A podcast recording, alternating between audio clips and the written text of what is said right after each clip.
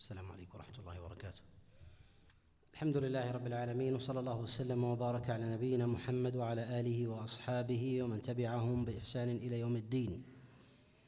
أما بعد ففي هذا المجلس في الخامس عشر من جماد الآخرة من عام خمس وثلاثين بعد الأربعمائة والألف نكمل ما يتعلق بالمحرمات من النساء من سورة النساء.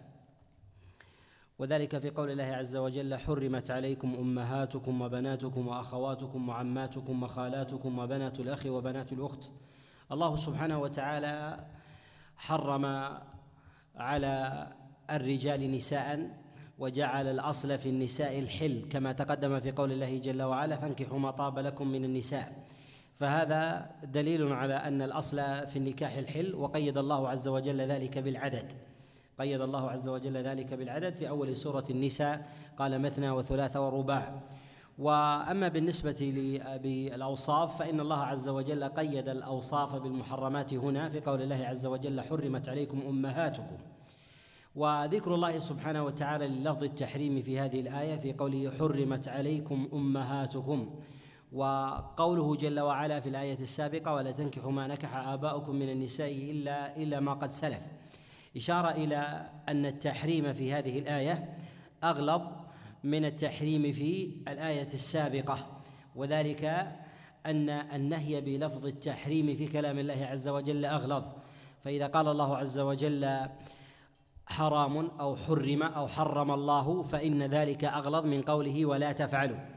وذلك للصراحة والوضوح والجلاء الصراحة والوضوح والوضوح والجلاء وكذلك أيضا في فإن الله سبحانه وتعالى أكد التحريم بقوله عليكم. فقول الله جل وعلا حرمت عليكم أمهاتكم وبناتكم وأخواتكم.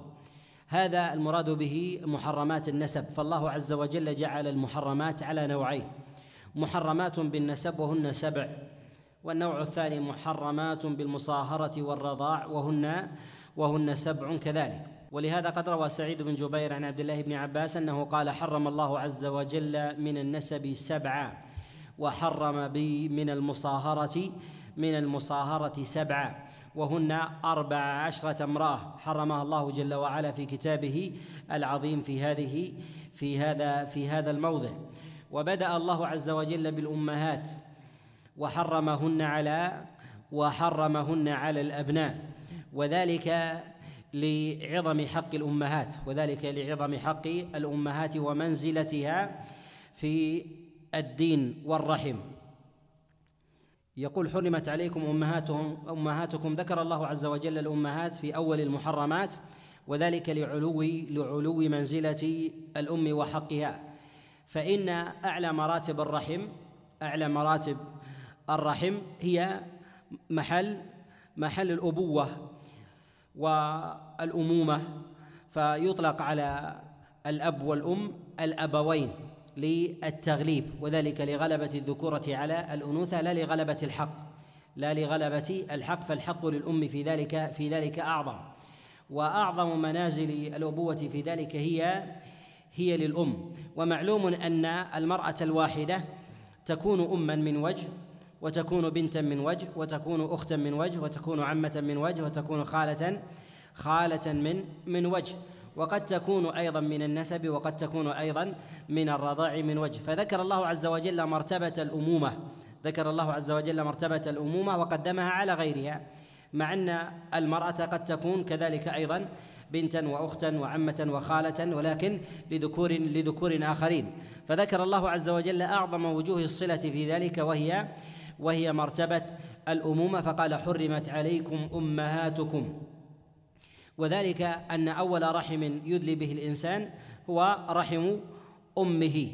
والمراد بالأم هنا هي أم النسب. أما بالنسبة للرضاع فيأتي فيأتي الكلام عليها فيما يأتي من هذه الآية. قال حرمت عليكم أمهاتكم وبناتكم. وذكر هنا البنات وهن أشد تحريما من الأخوات وذلك لأنهن أقرب من جهة من جهة الرحم أقرب من جهة الرحم. وهنا في ترتيب المحرمات يأخذ العلماء منه منه ترتيب الحق في الأرحام ترتيب الحق في الأرحام وذلك أن التحريم والحل والحل يتقابلان. من جهة الحل مما جعل الله عز وجل في ذلك الصلة وكذلك جانب الولاية وغير ذلك فإن الإبن أحق بولاية بولاية أمه أحق بولاية بولاية أمه من من أخيه وذلك للحق للحق بينهما للحق بينهما إذا كان في في ذلك في ذلك بالغا بالغا راشدا. كذلك أيضا من جهة الرحم فصلة الأم أولى من صلة من صلة البنت عند التزاحم عند التزاحم. وكذلك فإن صلة البنت أولى من صلة الأخت أولى من صلة الأخت. وذلك لأن الله عز وجل جعل ذلك على الترتيب في أبواب التحريم للتغريض في الحق والمحرمية. وكذلك فإن البنت تدلي برحم مباشرة بخلاف الأخت فإنها تدلي برحم بواسطة. فإنها تدلي برحم برحم بواسطة في قوله جل وعلا حرمت عليكم أمهاتكم وبناتكم وأخواتكم. وهذه المذكورات هن الأمهات والبنات والأخوات من جهة من جهة النسب لا من جهة لا من جهة الصهر والرضاع. وهنا في تحريم الله عز وجل للأمهات شامل للأمهات وإن علون. وذلك للأم وكذلك الجدة من جميع الجهات سواء كانت أم الأم أو أم أو أم الأب. وإن وإن علون فإنهن محرمات لدخولهن في هذا الباب ولا خلاف عند العلماء في ذلك. ولا خلاف عند العلماء في هذا. وفي قوله جل وعلا وبناتكم وإن نزلنا ولا خلاف عند العلماء في ذلك. فإنه يحرم على الأب أن يتزوج بنته وأن يتزوج بنت بنته ولا خلاف عند العلماء عند العلماء في ذلك. وإن نزلنا وكذلك أيضا في قوله وأخواتكم وأخواتكم حرم الله عز وجل نكاح الأخوات وذلك من جميع من جميع الجهات سواء كانت أختا من أم أو أختا من أب أو كانت أختا شقيقة ولا خلاف عند العلماء ولا خلاف عند العلماء في ذلك. قال وعماتكم وخالاتكم. والعمات والخالات وإن علونا فعمة الإنسان مباشرة تأخذ حكمها عمة أبيه وعمة أمه وكذلك أيضا بالنسبة لخالة أبيه وخالة أمه تأخذ ذات الحكم من عمته. ولهذا نقول إن العمات محرمات وإن علون والخالات محرمات وإن علون. كما أن الأمهات محرمات وإن علون والبنات محرمات وإن نزلنا. وذلك لأن الله عز وجل أطلق ذلك والحكم في ذلك سواء والحكم في ذلك سواء ولا يستثنى من ذلك ولا يستثنى من ذلك نوع. وعلى هذا نقول إن الله سبحانه وتعالى إنما ذكر في هذه الآية أصول المحرمات لا أشخاص المحرمات وأعيانهن. فالأصول يعني أنه يتفرع عنها يتفرع عنها فرع وذلك كالبنت وبنت الإبن والأم كذلك. وإن علت وإن كانت الأم هي فرع لأمها وجدتها وإنما ذكرت لعظم لعظم حقها. وكذلك أيضا بالنسبة للعمات للعمات والخالات. قال وعماتكم وخالاتكم قال وبنات الأخ وبنات وبنات الأخت ويتفق العلماء كذلك أيضا على حرمة على حرمة بنات الأخت الأخ وبنات الأخت وإن وإن نزلنا فبنت بنت الأخ حرام وكذلك أيضا بنت بنت بنت الأخت. وهنا من جهة الترتيب في قول الله عز وجل وبنات الأخ وبنات الأخت هل يقال بتقديم الرحم من جهة الأخ على الرحم من جهة من جهة الأخت؟ نقول نعم وهذا هو الظاهر من جهة من جهة الأدلة أن ذرية الإخوة أولى بالصلة من ذرية من ذرية الأخوات. وكذلك أيضا من جهة ذرية الأبناء أولى بالصلة من ذرية من ذرية البنات. وذلك لأن النسب يتعلق بالذكورية لا يتعلق بالأنوثة.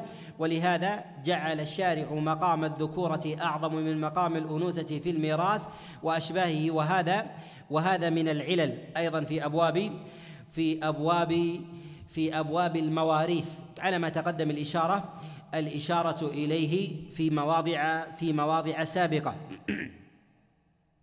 و القرينة في هذا أن الله عز وجل قدم بنات الأخ على بنات الأخت. والعرب تجعل ما يكون من ذرية البنات لأزواج لأزواج البنات. ما يكون من ذرية البنات لأزواج البنات بالنسب.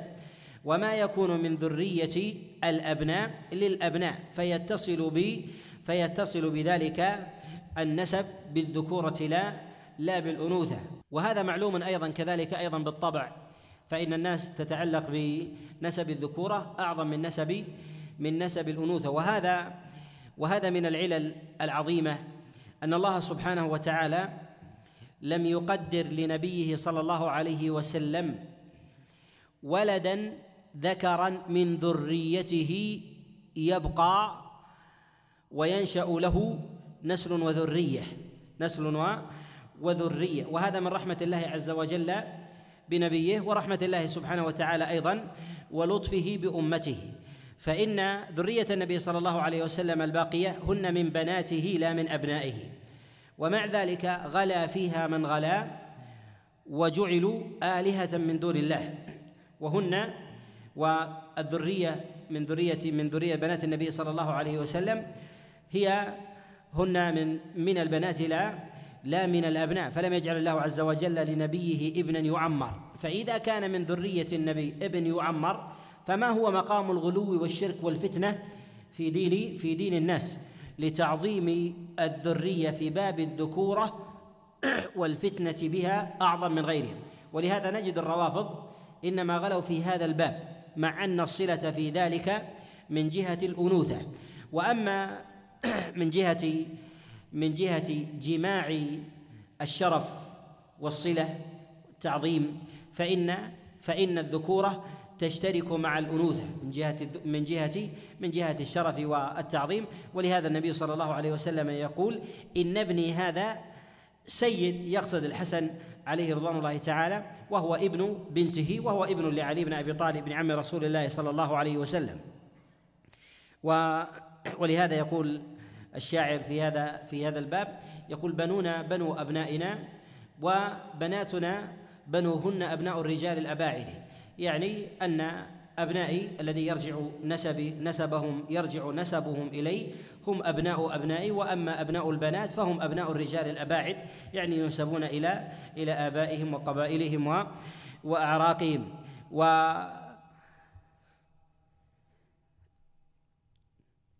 العجم إذا تزوج عربية أصبح أبناؤه عجما. كأبيهم. فانتسبوا فانتسبوا إليه من جهة العرق ولو كانت الأم في ذلك في ذلك عربية. والرجل العربي إذا تزوج أعجمية لحق لحق أبناءه نسب أبيهم ولو كانت الأم في ذلك في ذلك أعجمية. فضلا ما دون ذلك من فضلا ما دون ذلك من أجزاء النسب مما يتصل به من جهة الأبوة وكذلك والنسب إلى الجد والقبائل والأفخاذ وفروع وفروع الأنساب. وقول الله سبحانه وتعالى هنا وأمهاتكم اللاتي أرضعنكم. ذكر الله سبحانه وتعالى الرضاع بعدما ذكر النسب.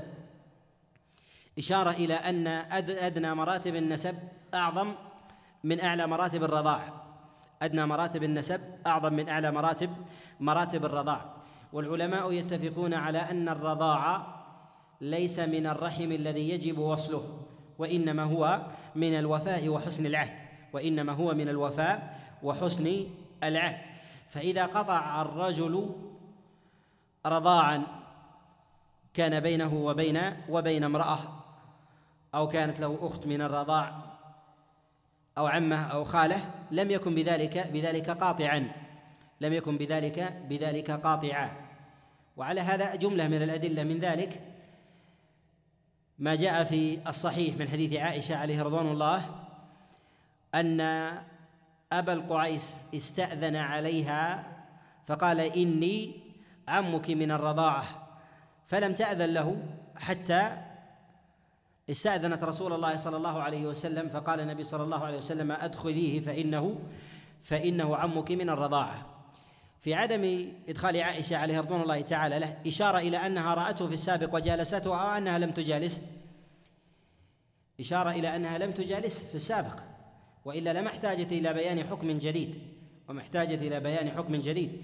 والعم من الرحم الذي يجب وصله أم لا يجب؟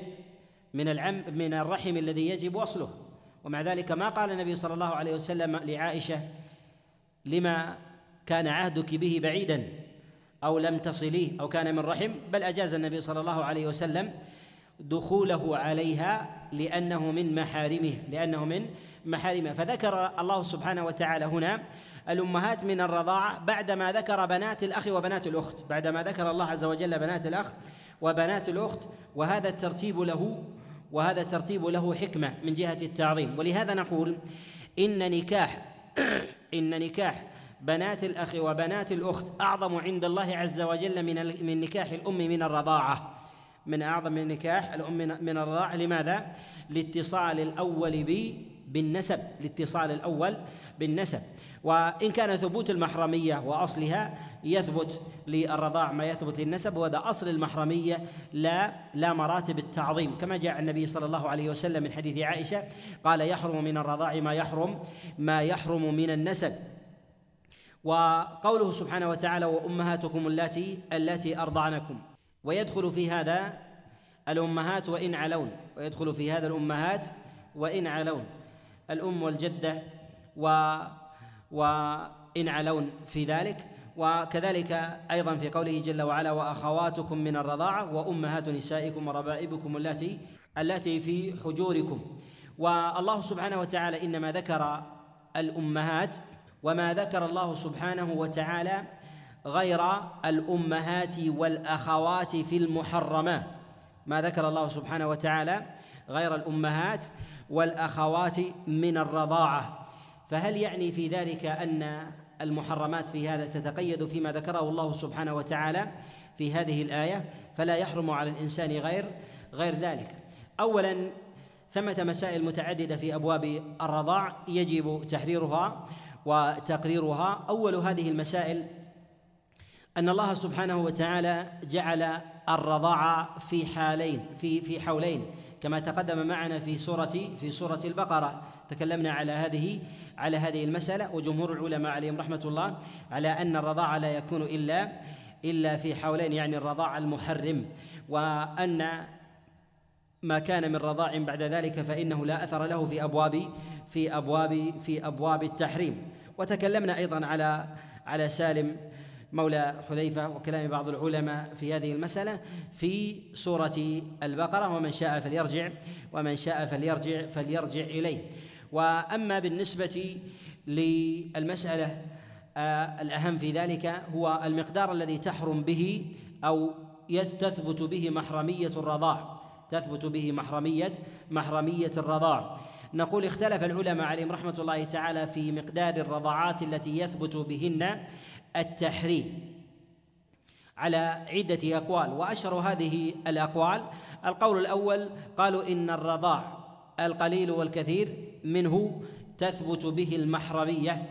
لعموم النص في كلام الله سبحانه وتعالى في قوله جل وعلا وأمهاتكم اللاتي أرضعنكم يعني أن أن أن كل رضاع يكون بين رجل وامرأة فإنه تثبت به المحرمية من غير من غير تقييد بعدد.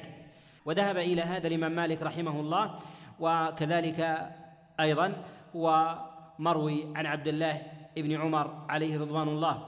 القول الثاني قالوا بأن المحرمية في ذلك تثبت فيما زاد فيما زاد عن اثنتين وأن ما دون اثنتين ما كان في الرضعة والرضعتان لا تثبت بهما المحرمية. والثلاث وما زاد عليها فتثبت بها المحرمية. واستدلوا بما جاء في الصحيح من حديث عائشة عليه رضوان الله أن رسول الله صلى الله عليه وسلم قال لا تحرم المصة ولا المصتان. وهذا إشارة إلى الرضعة إلى الرضعة والرضعتين. وهذا القول ذهب إليه الإمام أحمد رحمه الله وذهب إليه إسحاق أبو الراهوية وجماعة من من السلف. القول الثالث قالوا بأن عدد الرضاعات الذي تثبت به المحرمية هو خمس رضاعات. وذلك أن النبي صلى الله عليه وسلم قد شرع أو جعل الرضاعات المحرمة في ابتداء الأمر عشرا ثم نسخت في ذلك في ذلك إلى إلى خمس. واستدلوا بما جاء في حديث عائشة في الصحيح أنها قالت كان فيما أنزل في كلام الله من كلام الله عز وجل عشر رضاعات يحرمن ثم نسخهن الله جل وعلا إلى خمس إلى خمس رضاعات. وهذا قال ثم توفي رسول الله صلى الله عليه وسلم وهن وهن مما يتلى في كتاب الله. وهذا القول هو أرجح الأقوال. وذلك لأنه قد بين الناسخ والمنسوخ. بين الناسخ الناسخ والمنسوخ من أمور من أمور الرضاع وعددها. والنص إذا عرف المتأخر منه والمتقدم وظهر فيه الناسخ والمنسوخ بنص واحد هذا هو أعلى وجوه النسخ أعلى وجوه النسخ وأقواها وأظهرها كما في حديث عائشة. إذا جاء الخبر قد جمع الناسخ والمنسوخ في موضع واحد فان فإن هذا أقوى وأصرح وجوه وجوه النسخ. القول الرابع قالوا بأن الرضاعات التي تحرم عشرة قالوا وذلك لأنها كانت على الابتداء والنسخ في ذلك في ذلك ظن. نقول إن إن الرضاعات كانت في الابتداء عشر وأما زعم أن النسخ في ذلك ظن فهذا وهم وغلط. وذلك لثبوت الدليل فيه من حديث عائشة عن رسول الله صلى الله عليه وسلم. المسألة الثانية من مهمات المسائل ولها تعلق بهذه الآية من جهة التحريم. هنا في قول الله جل وعلا وأمهات وأم وأمهاتكم التي أرضعنكم وأخواتكم من الرضاعة هل التحريم ينتشر إلى الرجال أم يقتصر على النساء فحسب؟ وذلك أن المرضعة هي المرأة والمحرمية تتجه إليها. فإذا أرضعت المرأة طفلا فهو ابنها من الرضاعة وبناتها وأبناؤها إخوان له إخوان إخوان له. فهل المحرمية كما انتشرت عن طريق الأم تتصل بالأب وتنتشر عن طريقه؟ اختلف العلماء في هذه المسألة على قولين. جماهير العلماء وعامة السلف إلى أن المحرمية تنتشر إلى الرجال كما تنتشر إلى إلى النساء. ويتفرع عن هذه المسألة جملة جملة من الفروع والأحكام.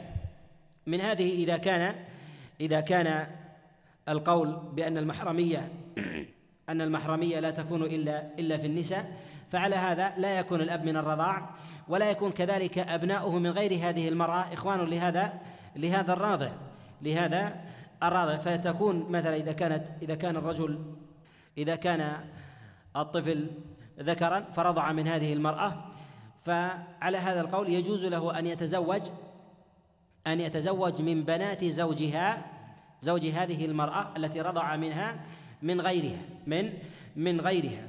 الذي عليه عامة السلف وهو قول الأئمة الأربعة أن أن المحرمية تكون في الرجال كما تكون كما تكون في النساء. وهذا وهذا هو الأرجح وهذا هو الأرجح وقد جاء عن عبد الله بن عمر عليه رضوان الله تعالى ونص عليه غيره من السلف فقد جاء عن سالم ومكحول أن المحرمية في الرجال كما هي كما هي كما هي في النساء. والقول الثاني ذهب قلة من السلف إلى أن الرضاعة إنما يكون في النساء ولا يكون في الرجال. وهذا القول جاء عن جماعة جاء عن عطاء بن يسار وسليمان بن يسار وجاء عن سعيد بن المسيب وعن أبي سلمة بن عبد الرحمن. وذلك أنه قد روى ابن المنذر في كتابه التفسير من حديث يزيد بن عبد الله بن قصيد قال سألت سعيد بن المسيب وعطاء بن يسار وسليمان بن يسار وأبا سلمة بن عبد الرحمن عن قول الله عز وجل عن قول الله عز وجل وأمهاتكم التي أرضعنكم فقال فقال التحريم في النساء لا التحريم في النساء لا لا في الرجال. والأرجح في ذلك وهو الصحيح الذي ينبغي أن لا يصار إلا إلا إليه وهو الذي نطق به ظاهر الكتاب وكذلك أيضا ظاهر السنة على أن المحرمية تكون في الرجال وتكون في النساء. ومن الأدلة المتأكدة على هذا ما تقدم معنا في الصحيح من حديث عائشة عليه رضوان الله تعالى لما جاء عمها من الرضاعة لما جاء عمها من من الرضاعة ومعلوم أن انتشار الرضاعة إلى العم جاءته عن طريق عن طريق الذكورة جاءته عن طريق الذكورة. فأبو القعيس هو أخو فأبو القعيس هو أخو زوج المرأة التي أرضعت عائشة عليها رضوان الله فأصبح عما لها عما لها لها من الرضاعة. وعلى هذا فيكون عم من الرضاعة ويكون خال من الرضاعة. وكذلك أيضا ما يتفرع من هذا ما يتفرع من هذا من أبواب من أبواب التحريم مما هو أولى منها من البنت من الرضاعة وكذلك أيضا الأب الأب من الرضاعة وكذلك أيضا ينتشر إذا انتشر في العم من الرضاعة فينتشر كذلك أيضا في الإخوة من الرضاعة من جهة الأب. فعلى هذا نقول كما جاء عن النبي عليه الصلاة والسلام في حديث عائشة في الصحيح قال يحرم من الرضاع ما يحرم من النسب. يعني أنه ينتشر في ينتشر تحريم الرضاع في الذكورة والأنوثة كما ينتشر في ذلك كما ينتشر في ذلك النسب. والاضطراد في ذلك سهل وميسور ومن قال بهذا القول فإنه فإنه ينظر في كل انتشار يكون في النسب يقابله انتشار تثبت به المحرمية في أبواب في أبواب الرضاعة فإذا قلنا إن العمة والخالة والبنت والأخت من المحرمات في أبواب النكاح يقابلها كذلك في أمور في أمور الرضاعة ويخرج من هذا في قول الله سبحانه وتعالى الجمع بين الأختين وكذلك أيضا في الربائب وأمهات النساء. هل يدخل في هذا الرضاع أم لا يدخل في هذا الرضاع؟ إذا تزوج الرجل امرأة ثم ثم طلقها فأراد أن يتزوج أمها من الرضاعة فهل يقال حينئذ بحرمة ذلك أم لا؟ وهل يقال بحرمة الجمع بين الأختين من الرضاعة أو الجمع بين أخت وأخت لها بين بين امرأة وأخت لها من الرضاعة فيثبت التحريم في ذلك كالأختين من النسب أم لا؟ يأتي الكلام على ذلك بإذن الله تعالى. هنا في قول الله جل وعلا وأمهاتكم التي أرضعنكم وأخواتكم من الرضاعة. قال وأمهات نسائكم وربائبكم اللاتي في حجوركم من نسائكم اللاتي دخلتم بهن. ذكر الله سبحانه وتعالى في أبواب المصاهرة من المحرمات قال وأمهات وأمهات نسائكم. يحرم على الرجل إذا تزوج امرأة أصلها وفرعها وأصلها أمها وفرعها بنتها.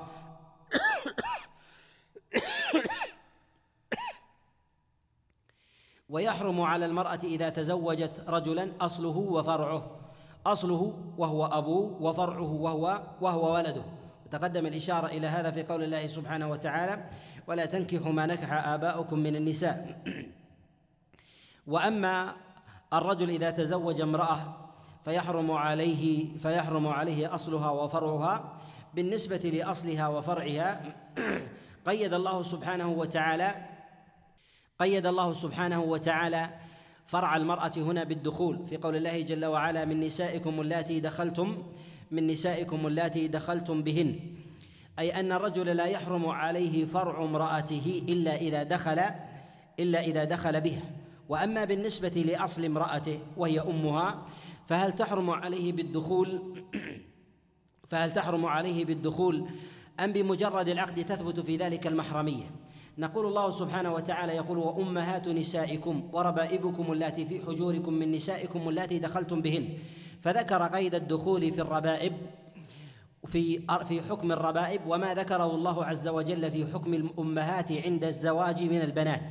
ولهذا نقول إن الصواب في ذلك أن الأمهات يحرمن على الرجل بمجرد العقد بمجرد العقد ببنتها. إذا عقد الرجل بامرأة حرم عليه أصلها دخل ببنتها أو لم يدخل ببنتها. دخل ببنتها أو لم يدخل أو لم يدخل ببنته وأما بالنسبة لبنت لبنت المرأة فهل تحرم عليه بمجرد العقد بها؟ نقول قيدها الله جل وعلا قال بنسائكم اللاتي دخلتم بهن. فإذا دخل بها حرمت عليه حرمت عليه ابنتها. وإذا لم يدخل بها فإنها لا تحرم لا تحرم عليه. وقد اختلف العلماء عليهم رحمة الله تعالى في قول الله عز وجل وأمهات وأمهات نسائكم. هل المحرمية هنا يشترط فيها الدخول أم لا يشترط؟ يشترط فيها الدخول أم لا أم لا يشترط؟ اختلف العلماء في هذه المسألة على ثلاثة أقوال. مع اتفاق العلماء في مسألة في مسألة الفرع في مسألة الفرع على أنه لا يحرم حتى يدخل حتى يدخل بالأم وإنما اختلفوا في أصل في أصل في أصل الزوجة. إذا تزوج امرأة فأصلها محل خلاف فأصلها محل خلاف. وأما بالنسبة للفرع فإنهم يتفقون على أن التحريم لا يثبت إلا عند الدخول إلا عند الدخول. اختلف العلماء عليهم رحمة الله تعالى في أمهات في أمهات النساء هل يحرمن مطلقا بمجرد العقد أو لا بد في ذلك في ذلك من من الدخول. وأن من عقد على امرأة ثم طلقها ثم طلقها قبل دخوله بها أو ماتت عنه هل يجوز له أن يتزوج من بنتها أم لا؟ اختلف العلماء في هذه المسألة على ثلاثة أقوال.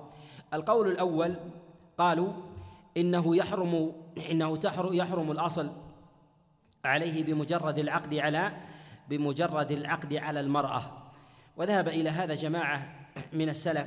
جاء ذلك عن عبد الله بن مسعود وعبد الله بن عمر وعمران بن حسين ومسروق بن الأجدع وإبراهيم النخعي وغيرهم من السلف على أنه يحرم الأصل ولو لم يدخل ولو لم يدخل بالفرع. قال وذلك أن الله سبحانه وتعالى اطلق أطلق التحريم. قال وأمهات نسائكم وما قيد ذلك بالدخول كما جاء بعد ذلك. كما جاء كما جاء بعد ذلك. القول الثاني قالوا بأن بأن التحريم لا يثبت إلا بالدخول. أن التحريم لا يثبت إلا بالدخول. فإذا عقد على امرأة ولم يدخل عليها لا يحرم عليه أصلها. حتى حتى يدخل. وذهب إلى هذا جماعة من السلف وهو قول عبد الله بن عباس. وذلك أنه قد روى ابن المنذر من حديث مسلم بن عويمر الكناني أنه قال عقد أبي لي على امرأة من من أهل الطائف وأمها عند عمي قال فلم أجمع بها حتى توفي عمي عنها. فقال لي أبي هل لك بأمها؟ قال فقلت فقلت نعم. قال فذهبت إلى عبد الله بن عباس عليه رضوان الله تعالى وكانت أمها أكثر مالا منها فرغبت بمال أمها فقال لي عبد الله بن عباس تزوجها. قال فذهبت إلى عبد الله بن عمر فقال لي لا تتزوجها. قال فذهبت إلى معاوية إلى إلى معاوية فقال لا أقضي بذلك بذلك شيئا. يعني أنه توقف توقف في هذا. وهذه المسألة هي من مسائل الخلاف عند عند السلف. القول الثالث في هذا فرقوا في سبب المفارقة بين الرجل والمرأة بين الطلاق والوفاة. فرقوا بين الطلاق والوفاة. قالوا إذا طلق المرأة إذا طلق المرأة قبل الدخول بها فله أن يتزوج بأصلها. فله أن يتزوج أن يتزوج بأصلها وإذا كان سبب الفراق وفاتها عنه وفاتها عنه فلا يجوز له أن يتزوج أصلها. لما؟ ما هي العلة؟ نعم.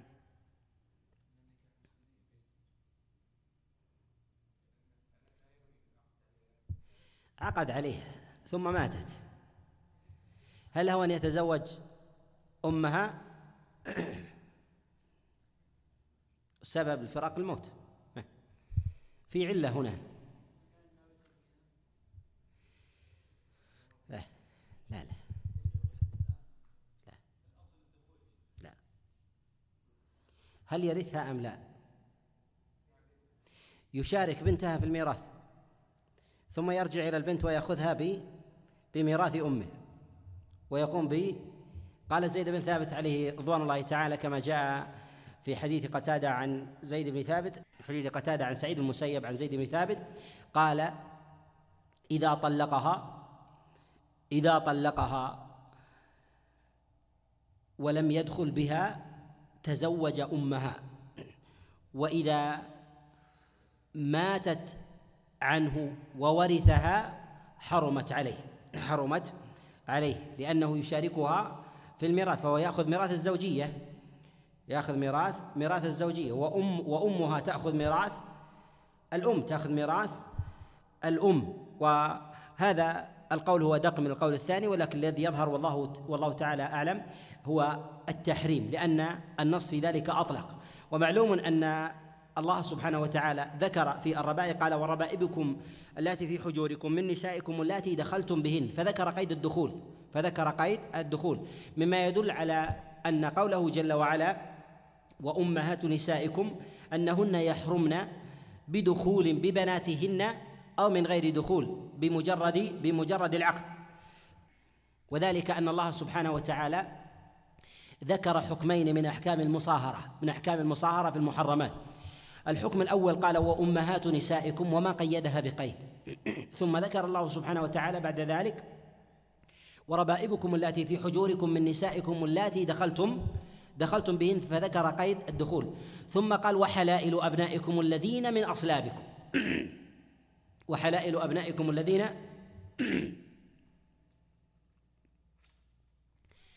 قال وحلائل أبنائكم الذين من أصلابكم. فذكر القيد في الحكم الأوسط وما ذكره في الأسبق؟ قال وأمهات نسائكم وما ذكره في الحكم الذي الذي يلي يلي الربائب. مما يدل على أن قيد الدخول مخصوص بأمهات الربائب بأمهات الربائب وأنه لا يشمل أمهات النساء ولا كذلك يشمل حلائل الأبناء. فزوجة الإبن إذا عقد عليها حرمت على على الأب من غير دخول من غير دخول. وذلك أن الله سبحانه وتعالى أطلق. وكذلك أيضا في أمهات النساء تحرم على الرجل أم زوجته بمجرد عقده عليها بمجرد عقده عقده عليها. وأما بالنسبة لبنتها فإن الله قيدها بالدخول بأمها بالدخول بأمها. وحلائل أبنائكم الذين من أصلابكم. فجعل الله عز وجل ذلك مطلقا. فلهذا نقول نأخذ بالإطلاق نأخذ به بالإطلاق. ثم في قول الله سبحانه وتعالى وأمهات نسائكم وأمهات نسائكم وربائبكم اللاتي في حجوركم. الربائب هي الربيبة والمربوبة التي تربى عند الإنسان فهل لهذا القيد مقصد؟ وهل يترتب على هذا القيد حكم أنه لا تحرم لا تحرم بنت الزوجة على الزوج إلا إذا كانت ربيبة أم لا؟ اختلف العلماء عليهم رحمة الله تعالى في ذلك.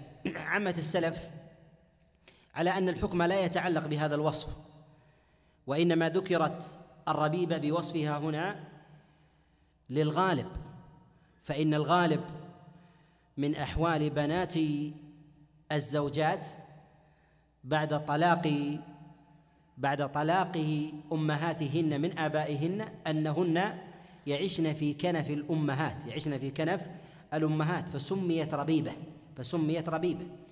وكذلك أيضا من القرائن التي تدل على أن الربيبة ذكرت وصفا لا يتعلق به الحكم أن أحكام الشريعة تتعلق بأمور منضبطة ووصف الربيبه لا ينضبط فقوله وربائبكم اللاتي في حجوركم ما هو الضابط للمرأة للربيبة إذا كانت في الحجر أو كانت في غير الحجر؟ هل ليلة أو ليلتين؟ وربما تبيت عند زوج أمها ليلة وعند أحد محارمها موكيلها أو وصيها بعد وفاة أبيها أو طلاقه من أمه تبقى ليلة هنا وليلة هناك أو شهرا هنا وشهرا هناك. وربما تأتي نهارا وهناك ليلا وربما تأتي عكس ذلك. فما هو الحد الذي يثبت فيه تثبت فيه المحرمية في البقاء في في الحجور؟ وهذا لا يتعلق بمثله حكم شرعي لا يتعلق بمثله حكم حكم الشرعي ومعلوم أن المحرمات هنا ذكرت بأمر وصف بين. ذكرت بأمر وصف بين. ولا يتناسب العموم في مثل هذا في مثل هذا الحكم. ولهذا نقول إن بنت الزوجة تحرم سواء كانت في حجره أو لم تكن في حجره. ومن الحكم التي ذكرت هنا في العلة في قوله وربائبكم التي في حجوركم إشارة إلى ما ينبغي عليه الناس من مكارم الأخلاق. ألا يفرقوا بين البنت وأمها. ألا يفرقوا بين البنت البنت وأمها أنه ينبغي أن تكون أنت على هذه الصفة. فإذا تزوجت امرأة ومعها بنتها فلا تضطرها إذا احتاجت إلى الزواج بك وأمثالك أن تفرق بينها أو تشترط عليها فراق بنتها. فراق بنتها. فهي بين شدتين بين أن تصبر بلا زوج وبين أن تصبر على فراق بنتها وكلاهما وكلاهما شديد. وهذا إشارة إلى ما ينبغي عليه أن يكون الأزواج إذا تزوجوا من نساء ولديهن بنات أن يجعلوا بنات نسائهم في حجورهم في في حجورهم يعني في بيوتهم ويقومون كرما وإحسانا وحسن عهد وفضل بالنفقة عليهن وأن تكون ربيبة عنده. ولهذا قال وربائبكم وربائبكم يعني التي تربت عندك وقمت بالنفقه بالنفقة عليها. بالنفقة عليها. وهذا وهذا إشارة إلى إلى مكارم الأخلاق. ولهذا نقول إن مثل هذا الوصف علق بالأغلب. وما ينبغي أن يكون عليه الإنسان. وما ينبغي أن يكون عليه عليه الإنسان قال من نسائكم اللاتي دخلتم بهن القيد في ذلك مراد ان أن البنت لا تحرم إلا إذا دخل بأمها إلا إذا دخل إذا دخل بأمها. وهذا وهذا هل هو نظير قول الله جل وعلا ولا تنكحوا ما نكح آباؤكم من النساء؟ ومعلوم أن مقام البنوة وسواء مقام الإبن والبنت في هذا في هذه المنزلة واحدة من جهة من جهة التحريم ولكن اختلفت اختلف مقام البنت عن مقام الابن عن مقام الابن. تقدم معنا أن الابن تحرم عليه زوجة أبيه بمجرد العقد عليها بمجرد العقد عليها. وأما بالنسبة للبنت يحرم عليها أن تتزوج من زوج أمها بالعقد أو بالدخول؟ بالدخول. وهذا يدل على أن حرمة زوجة الأب على الإبن أعظم من حرمة من حرمة زوج الأم على بنتها على على بنتها لأن الله عز وجل حرم زوجة الأب بلا قيد بلا بلا قيد. والمحرمات وهذه قاعدة المحرمات التي تحرم بلا قيد أعظم من المحرمات التي تحرم بقيد التي تحرم بقيد. وهذه من نظر فيها وجد أنها مضطردة في كلام الله عز وجل. وقوله سبحانه وتعالى من نسائكم التي دخلتم بهن فإن لم تكونوا دخلتم بهن هذا فيه تأكيد على مسألة الدخول وأن المحرمية لا لا تكون إلا إلا بالدخول. وفي هذا أيضا تعقب على من قال إن قيد الدخول هنا شامل أيضا لأمهات النساء شامل لأمهات لأمهات النساء بل نقول إنه مقيد في مسائل في النساء التي دخل دخل الإنسان بها وتعلق ابنتها بذلك. قال فلا جناح عليكم يعني من نكاحهن. قال وقول الله جل وعلا وحلائل أبنائكم الذين من أصلابكم. هذا يخرج الرضاع يخرج الرضاع.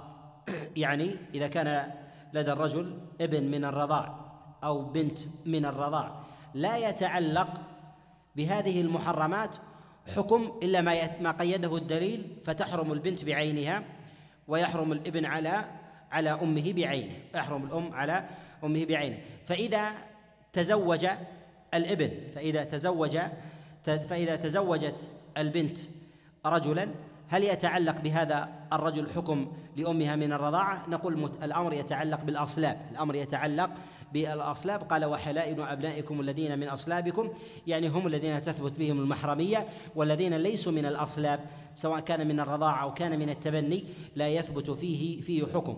وقيل إن سبب نزول هذه الآية أن النبي صلى الله عليه وسلم لما تزوج امرأة زيد تكلم قريش في هذا. وعابوا رسول الله صلى الله عليه وسلم فأنزل قوله جل وعلا وحلائل أبنائكم الذين من أصلابكم يعني هي التي حرمها الله وما عدا ذلك فلا تثبت في هذا محرمية. هو سبب النزول جاء في ذلك خبر مرسل من حديث ابن جريج عن من حديث ابن جريج عن عطاء بن من حديث ابن جريج عن عكرمة مولى عبد الله بن عباس عليه رضوان الله تعالى وهو وهو مرسل. قال وحلائل أبنائكم الذين من اصلابكم الحلائل يعني ما أحله الله عز وجل للأبناء. وفي هذا إشارة إلى أن ما عقد عليه الأبناء حرم على الآباء ولو لم يدخل الأبناء بهن. لأن الحلية هنا تكون بالعقد لا بالتمكين من الدخول لا بالتمكين من من الدخول. قال وحلائل أبنائكم الذين من أصلابكم. وقول الله جل وعلا وأن تجمعوا بين الأختين إلا إلا ما قد سلف. في قوله جل وعلا إلا ما قد سلف إشارة إلى أن ما كان عليه أهل الجاهلية من الأمور المحرمة هي نكاح زوجات الآباء والجمع بين الأختين ومع ذلك فإنهم كانوا يعظمونه فإنهم كانوا يعظمونه. وقوله جل وعلا وأن تجمعوا بين الأختين هو خاص بالنسب خاص بالنسب لا ما يتعلق بالتبني وكذلك أيضا بالرضاع. واختلف العلماء في الجمع بين الأختين في الوطء من الإماء من الإماء. فهل يطأ الرجل أختين أمتين من غير نكاح؟ نكاح الإماء والحرائر إذا كان ذلك نكاحا فهذا مما لا خلاف مما لا خلاف فيه. وأما الوطء مجرد الوطء بالتسري فهل يجمع بين الأختين أم لا؟ اختلف العلماء في هذه المسألة. على على قولين. ذهب جمهور السلف إلى أن التحريم يكون في الوطأ كما يكون في النكاح كما يكون في في النكاح. قالوا وذلك أن العلة أن العلة في الجمع يشترك في ذلك وهو استباحة الفرج والتمكين والتمكين منه فيحرم عليه. وأما ذات الملك أن الإنسان يملك الأختين أو نحو ذلك فهذا من جهة الأصل جائز وهذا من جهة الأصل جائز وأما الجمع في الوطأ فلا يجوز فلا يجوز ويجوز للرجل أن يملك امرأة ويحرم عليه وطئها كما تقدم معنا في ذلك جملة من الأمثلة كحال المشركة والمبعضه وغيرها فيجوز له أن يملكها ويحرم عليه أن ويحرم عليه أن أن يطأها.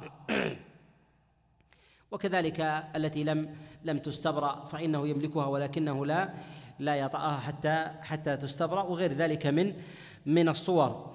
والذي عليه أكثر السلف هو التحريم هو التحريم. وذهب إلى هذا عبد الله بن مسعود عليه رضوان الله وذهب بعضهم إلى الجواز وذهب بعضهم إلى إلى الجواز. ويروى هذا عن عبد الله بن عباس عليه رضوان الله.